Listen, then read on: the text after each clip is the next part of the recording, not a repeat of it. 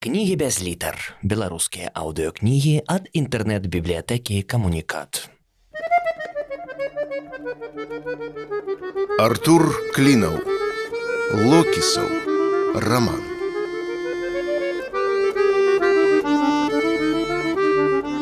Глава сорокавая.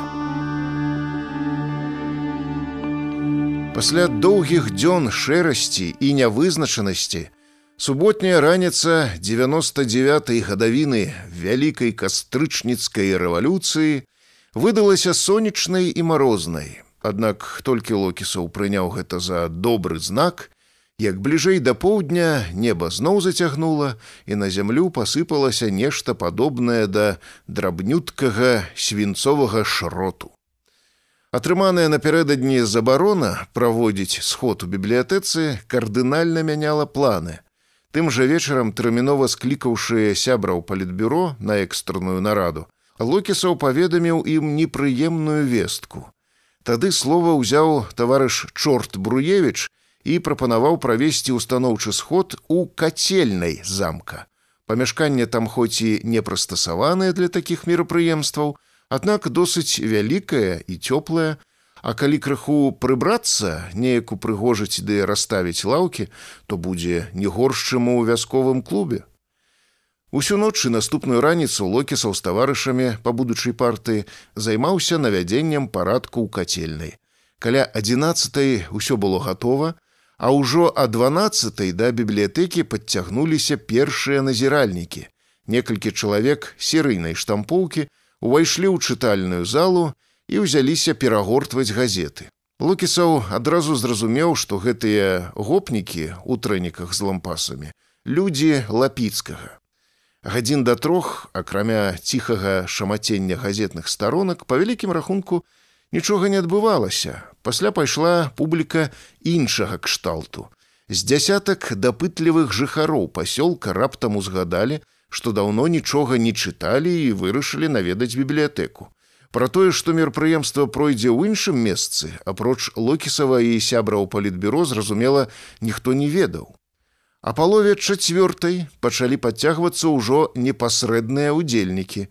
З'явіліся паштмайстар пшыбыльскі, былы папячыцель богаўгодных устаноў Пётр Кузьміч, потым павятовы лекар, прадпрымальнікі ІП Абдулін і ІП Каробкін, Ля ўваходу ў бібліятэку іх сустракаў эколог карпуль, задаваў пару распазнавальных пытанняў і суправаджаў да кацельнай.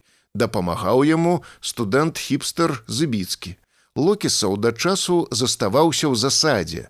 Схаваўшыся за вазонамі з кветкамі, ён прасцюлівыя фіранкі назіраў за тым, што адбываецца з акна надзенай спальні. У цэлым усё ішло па плане. Насцеражыла яго толькі група козелаў, разаленых сватоў і шваграў. Іх з'яўленне нічога добрага не абяцала. Збітым кагалам, праўда, без зброі, яны таксама рушылі ў бок кацельнай. Роўна чацвёртай локісаў выйшаў з бібліятэкі і праз раннія прыцемкі скіраваўся да змрочнага будынка на другім баку парку з высокім цагляным комінам. Унутры кацельня выглядала нашмат весялей. Калі касцёл на плошчы можна было параўнаць з тытанікам, то кацельную замка з яго машынным аддзяленнем. Вялізныя параходныя печы старамоднай пірамідальнай формы стаялі ў шэраг каля ўсходняй сцяны досыць прасторнай залы, ствараючы правільную трохчасткавую кампазіцыю у выглядзе ці то алтара, ці то трохнефнай базілікі. Масіўныя чыгунныя дзверы топак тытаніка былі зачыненыя, але з-за цэнтральнай урачыста даляталі ў залу водгукі рэвалюцыйнага полымя. Проста насупраць топак стаялі трыбуна і доўгі накрыты чырвоным абрусам стол прэзідыума, на ім графін і тры шклянкі. Над печамі на вялікай іржавай трубе вісеў доўгі транспарант на чырвоным кумачы, Приветствуем участников учредительного собрания.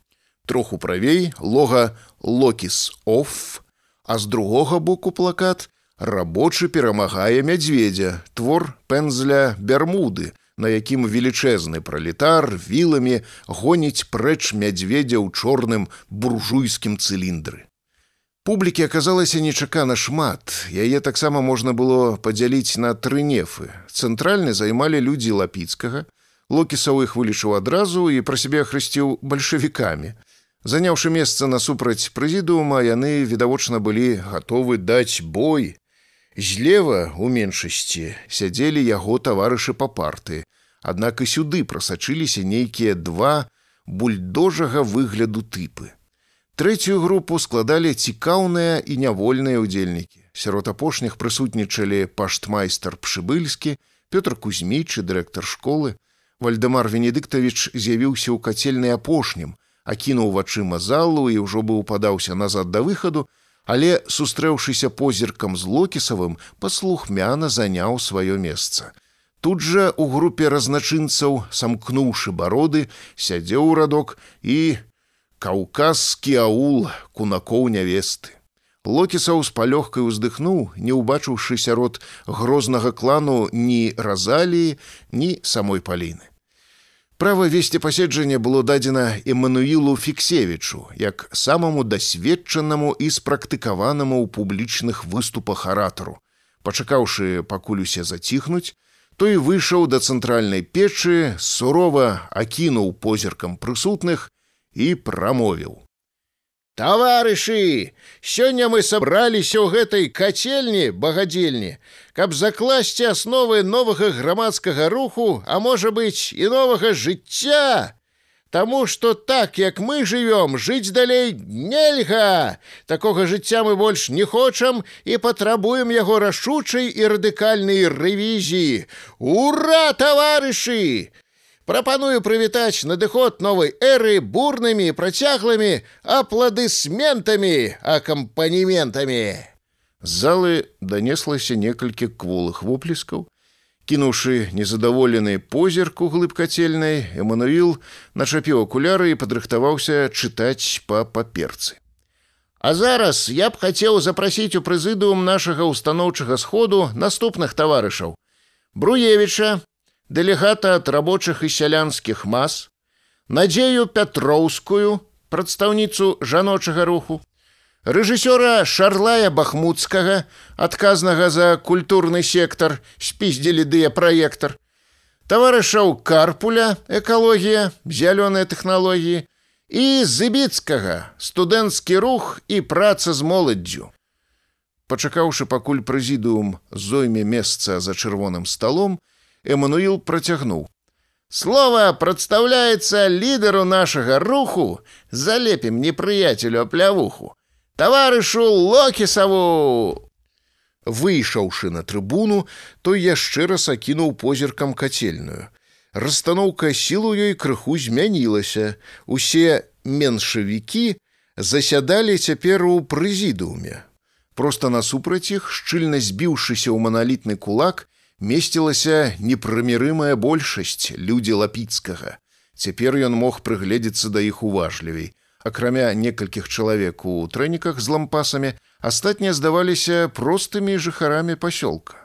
З пяток старэйшых кабет, апранутых па модзе народжаны ў ССР, і тройка маладух камсамолак сядзелі ў перамежку з мясцовымі рабацягамі, трактарыстамі, слесарамі і бюджэтнікамі асобнай фракцыі вылучаўся баявы атрад мужикоў пенсіянераў разумеючы што бальшавікоў пераканаць не атрымаецца локісаў звярнуўся да сектара цікаўных і разначынцаў грамадзяне кінуў ён на іх позірк таварышы паглядзеў на бальшавікоў панове абвёў вокам барадаты прэзідыум я мушу паведаміць вам радасную вестку Локіса не існуе. Па зале пранёсся абураны ўхвальны гул. Локісаў вытрымаў паўзу і паўтарыў: « Так, так, вы ўсё слушна пачулі, Локіса няма. Ён існуе толькі ў нашым уяўленні. Мы самі яго прыдумалі. У кацельнай на імгненне настала абсалютная цішыня, так што было чуваць, як патрэсквае агонь у печы. А жінку хто тады з'еў? Данеслася з бальшавіцкага партэра. Вы, дакладней, мы, калектыўны локіс, Мы самі і з'елі грамадзянку Турміловіч і брыгадзіра Жэса і паштальёнку бабу броню, не разгубіўся Локісаў. Аднак гэта быў не пярэварацень, не міфічны мядзведь, а чалавек. Таму давайте шукаць адказ на гэта пытанне не ва ўяўным, а ў рэальнасці, не ў фікцыі, а ў матэрыяльным свеце. І я ўпэўнены, адказ знойдзецца. О, барн дае, вы жінку самі з'елі, сам локіс, а кажа, мяне няма. Зноў даляцела правакацыйная рэпліка з залы. Мяне няма. Зайшоўся смехам нейкі начытаны пенсіянер з баявога атрада. Кніжка такая ёсць. Адзін там у мінску ў іх напісаў. Называецца мяне няма. Прыкіньце цэлую кніжку напісала, самога няма. можа таксама пярэварацень, а можа дружбан ягоны. Зладжана падтрымалі бальшавікі смехам. Таварышы, грамадзяне, галоўная праблема не ў тым, што вы локі са сабе прыдумалі. Перайшоў аратар да сутнасці пытання, разумеючы, што сітуацыя можа выйсці з-пад кантролю. Гэта ваша права. Уяўляйце сабе, што хочаце, калі гэта не пагражае іншаму. Праблема ў іншым. Другое імя Локіса страх. Страх, паўтарыў ён яшчэ раз гучней. Усе вы жывяце ў страху, што ваш сусед і ёсць пярэварацень. Вы не давяраеце і баіцеся яго. Узгадайце з нашай нядаўняй гісторыі. Памятаеце, быў такі страшны пярэварацень па імені Сталін. Але ж не ён уласнаручна зжор мільёны людзей. Не, не і не. Гэта зрабілі простыя людзі, суседзі, саслужыўцы, нават сябры. А таму, што баяліся. Калі не ты зжарэш суседа, то сусед зжарэ цябе. І пакуль яны адно аднаго жэрлі, пярэварацень меў над імі бясконцую ладу. Так і цяпер Пакуль вы адно аднаго баіцеся, вы раз'яднаныя і не можете змяніць сваё жыццё. А гэта менавіта тое, што трэба ад вас пракуратару і пракуратару пракуратараў і ўсім пракуратарам у свеце.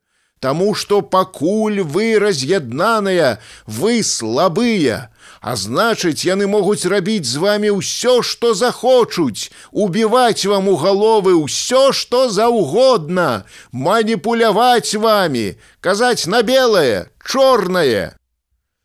Локісаў на імгненне змоўк, перавёў дух і абвёў позіркам залу. Кацельная вусцішна маўчала. А зараз мы правядзём сеанс вызвалення ад страху. Так так, вы слушна пачулі. Зараз мы правядзём сеанс калектыўнай тэрапіі.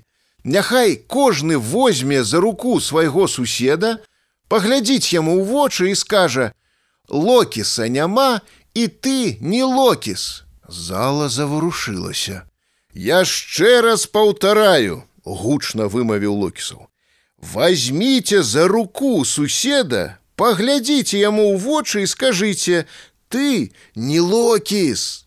Гул у кацельнай, асабліва ў партэры бальшавікоў нарастаў. А чаго это я павінен мужика за руку браць? Данеслася адтуль. Я што, таго? Дзеўку давай! Вось яшчэ адзін распаўсюджаны страх, не разгубіўся локісаў. Страх узяць за руку мужчыну, А я веру, не за гарамі той дзень, калі ў нашым пасялковым захсе будзе зарэгістраваны першы аднаполы шлюб. Зала загаманіла. Ось яна іх хвалёная дэмакратыя! закрычаў нехта з галёркі. Зусім страх згубілі. Спачатку апоіць сваёй французскай гарэлкай, а потым мужикоў зах сцягнуць. Гэта ж садамія таварышы! Вось да чаго нас дэмакраты заклікаюць! Грамадзяне, спакойна! грозна раўнуў Фіксевіч. Цішыня і рэгламент. Хто не хоча брацца за руки, ваша справа. Сілай ніхто ў захс не пацягне, але не перашкаджайце іншым. А тыя, хто не супакоіцца, будуць неадкладна выправаджаны з кацельнай. Праўда, таварыш Бруевич. Чорт Бруевич павольна ўстаў і фанатычным вокам спапяліў самых злосных балбатуноў. Яго моцная збітая фігура і барада талібан на фоне злавесных водбліскаў полымя з печы падзейнічалі на бальшавікоў заспакаяльна. Запомніце, грамадзяне, працягваў локісу. Гэта простае практыкаванне вы павінны рабіць кожны дзень. Усюды, дзе б вы каго не сустрэлі, не бойцеся, бярыце адважна яго за руку і кажыце: локіса няма і ты не локіс. Не, ну хтосьці ж зінку з'еў. І вы ўбачыце, як зменіцца свет. Усё вакол зайграе новымі фарбамі, пачнецца новае жыццё. Вы самі станеце гаспадарамі свайго лёсу. А што нам дасць гэтае новае жыццё? данеслася з сектара цікаўных. Ну як жа? Зразумейце, пакуль вы жывяце на забытым усімі краі зямлі. Сюды ніхто не едзе, таму што баяцца, думаюць, што вы дзікія, небяспечныя. А калі вы адкрыецеся свету, пойдуць інвестыцыі, паедуць Турысты, з'явяцца новыя гасцініцы і аграсядзібы, адкрыюцца новыя крамы, запрацуюць кафе і сувенірная лаўка. Сюды нарэшце пусцяць аўтобус з раёна і можа рэйс наўпрост з мінска, а нават і ўвогуле з таго краю зямлі. Адтуль з радасцю пракладуць масты, з'явіцца малы памежны рух, А гэта даць новыя інвестыцыі, турыстаў з таго краю зямлі, яшчэ новыя кафе і крамы. Аднак пра перспектывы пасёлка мы пагаворым асобна, падсумаваў Локісаў. Наш рух на гэты конт распрацаваў цэлую комплексную эканамічную праграму, А зараз я саступаю месца наступнаму прамоўцу. Далей выступіць Надзея Петроўская, падняўшыся, вымавіў Фіксевіч падрыхтавацца таварышу карпулю. Надзея выйшла да трыбуны, задумаўшыся, шчакала секунду і гучна ўсклікнула: Грамадзянкі, грамадзяне, якога роду слова страх! Памаўчаўшы крыху, сама ж адказала: Правільна, мужчынскага, страх ён мой, страх мужик! А вы ніколі не задумваліся, чаму на ўсіх мовах страх гэта мужик. А я вам скажу, Ды таму, што мужикі і ёсць адвечная прычына страху, Таму што жанчына гэта любоў, жанчына гэта маці, гэта пяшчота і ласка, гэта святло і спакой, А мужик гэта агрэсія, мужик гэта вайна, разруха і страх. Позвольте с вами не согласиться, даляцела раптам з далёкага кута кацельні. Лукісаў заўважыў, як з апошніх шэрагаў вырасла аб'ёмная фігура Вальдемара Венедыктавіча. Паправіўшы на пераноссе акуляры, ён процягнул. Я уже не первый раз слышу выступление громадянки Петровской и должен сказать, что ее феминизм носит скорее неофитский, волюнтаристский и поверхностный характер – вам, Надежда, при всем уважении следовало бы больше углубиться в тему и почитать таких авторов, как Валерий Брайсон, Лин Абрамс, Кристин Бар, «Введение в гендерное исследование», часть первая-вторая под редакцией И.А. Жеребкиной, «Гендерная теория и искусство» под редакцией М. Бредихиной или хотя бы местных авторок Соломатину и Шпарагу, но я хотел сказать о другом. Страх действительно слово мужского рода в русском, белорусском, украинском, так сказать, у триедино-братских славянских народов. А вот уже в немецком страх, ангст, женского рода. Почему? Это надо, конечно, спросить у самих немцев. Но что интересно, слово «страх» – «пeur» Женского рода и у французов. Уж казалось бы, а им-то чего женщин бояться? Однако шершеля фам. Вот у испанцев «эль мьедо» снова мужского рода. Так что, как видите, сударыня, здесь ваша система не работает. Хотя тема, конечно, интересная, достойная отдельного исследования. Я бы даже выделил ее в особую науку – лингвистическую феминологию. Дзякуй, Вальдемар Вальпургевич, за разгорнуты каментар абавязкова пачытаю, працягнула Надзея. Аднак тое, што вы сказалі, толькі пацвярджае маё меркаванне. Чым далей у Еўропу, дзе ў жанчыны больш правоў, тым больш гендерная роўнасць пачынае сябе праяўляць і на ўзроўні мовы, і страх становіцца не толькі мужчынскага, але і жаночага роду. Тут жа у нашым мядзведжым закутку страх, як быў мужиком, прасціце, што перебіваю, зноў мяшаўся Вікіпедіевич. Но закончу мысль, а то забуду. Интересная проблема лингвистической феминологии решена у англичан. У них слово «страх» не имеет пола, или, говоря языком современным, оно унисекс, как, впрочем, и весь английский язык, который также бесполый, что, возможно, стало одной из причин «Гей вы там, интеллигенция! Хопить порожняки гонять! Задяубли!» караул устал крыкнуў з галёркі бальшавікоў нейкі чарговы матрос жалязякін так так таварышы завяршаю заспяшалася надзея Таму сёння я звяртаюся да ўсіх жанчын пасёлка вступайце ў шэрагі руху локіс оф разам мы пераможам А што локіс оф на іхняй секс-мове азначае ясна што факов ад'ябіся по-нашаму выгукнуў нейкі шустры малец. Зала зноў зашумела. Гэта што яшчэ за мацерны рух такі? заверашчала цётка з народжаных у ССР.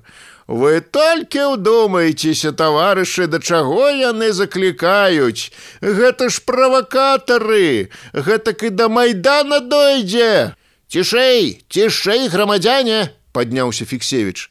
Усе, хто хоча выступіць, атрымаюць слова, але пазней. А цяпер запрашаем на трыбуну прадстаўніка эколагаў, а затым пераходзім да дыскусій.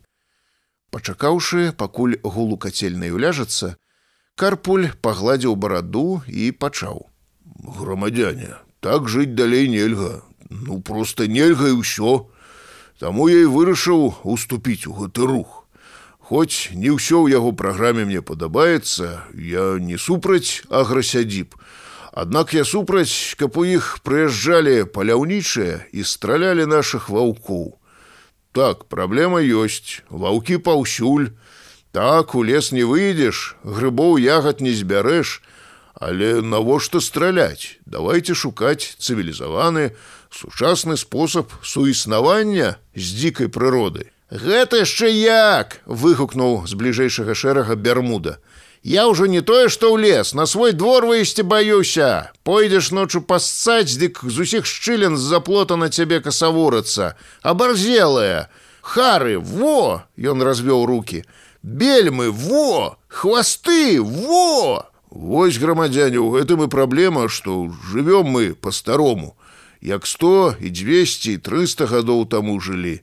Пастаць на двор ходзім, цеплем дровамі, лес губім, а яшчэ і СО2 у атмасферу выкідаем. А свет жыве ўжо зусім па іншых тэхналогіях. Зялёная эканоміка. Чулі пра гэта. Ветракі, біягазавыя станцыі, сонечныя батарэі, А мы замест гэтага будуем новую кацельную на ўскрайку пасёлка. Скажыце, навошта нам гэтая кацельная? Уявіце, колькі шаду ад яе будзе. А я вам скажу, больш чым ад адмірала Кузняцова ў сірыйскім паходзе. Яна ж дыміць не толькі тут будзе, але і на той край зямлі коксу паддасць. А будуюць яе і ўвогуле нейкія шарамыгі. Яны ж па п'яні пакуль везлі кацёл аб асфальт ляснули, там жа расколена пайшла па корпусе.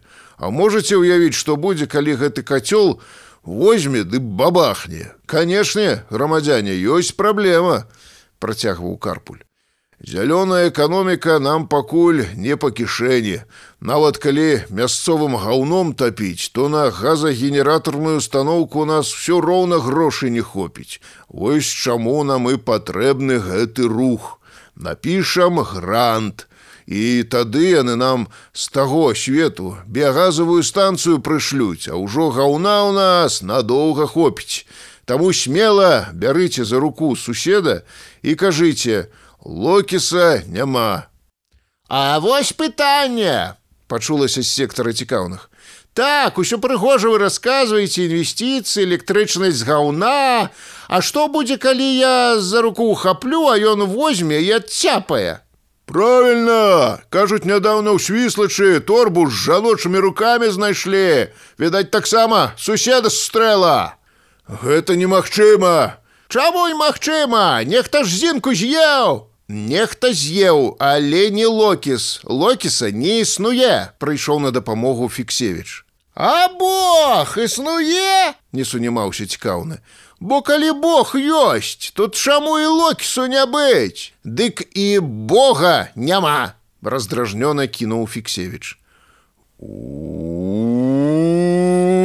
Зала няўхвальна загудела. Глядзіць, таварышы, да чаго дагаварыліся! выскочыла з бальшавіцкіх шэрагаў былая парторг лясхозу. Ужо і бога няма, гэта ж сатаністы, удумайцеся, што яны прапаведаюць, электрычнасць з гаўна. Дык гэта ж чыстай вады алхімія, масоны, чорная магія. Маўчаць! Зароў раптам на ўсю кацельную рэжысёр растрыга Шарлай Бахмуцкі. Бог ёсць, а локіса няма. А як жа Бог без чорта? Раз ён ёсць, то і локіс павінен быць. Няма тут ніякай супярэчнасці, уступілася надзея.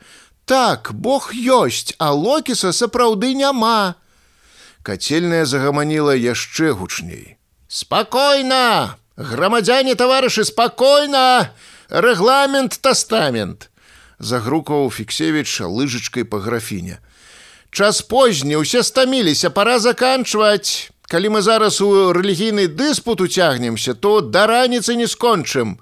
Давайте яшчэ пару кароткіх рэплік з месцаў і пяройдзем да прыняцця рэзалюцыі рэвалюцыі. Тогда позвольте еще раз мне, подняўся з залы Вальдемар Венедыктович. Я коротко, дамы, Надюш, никакого противоречия тут на самом деле нет.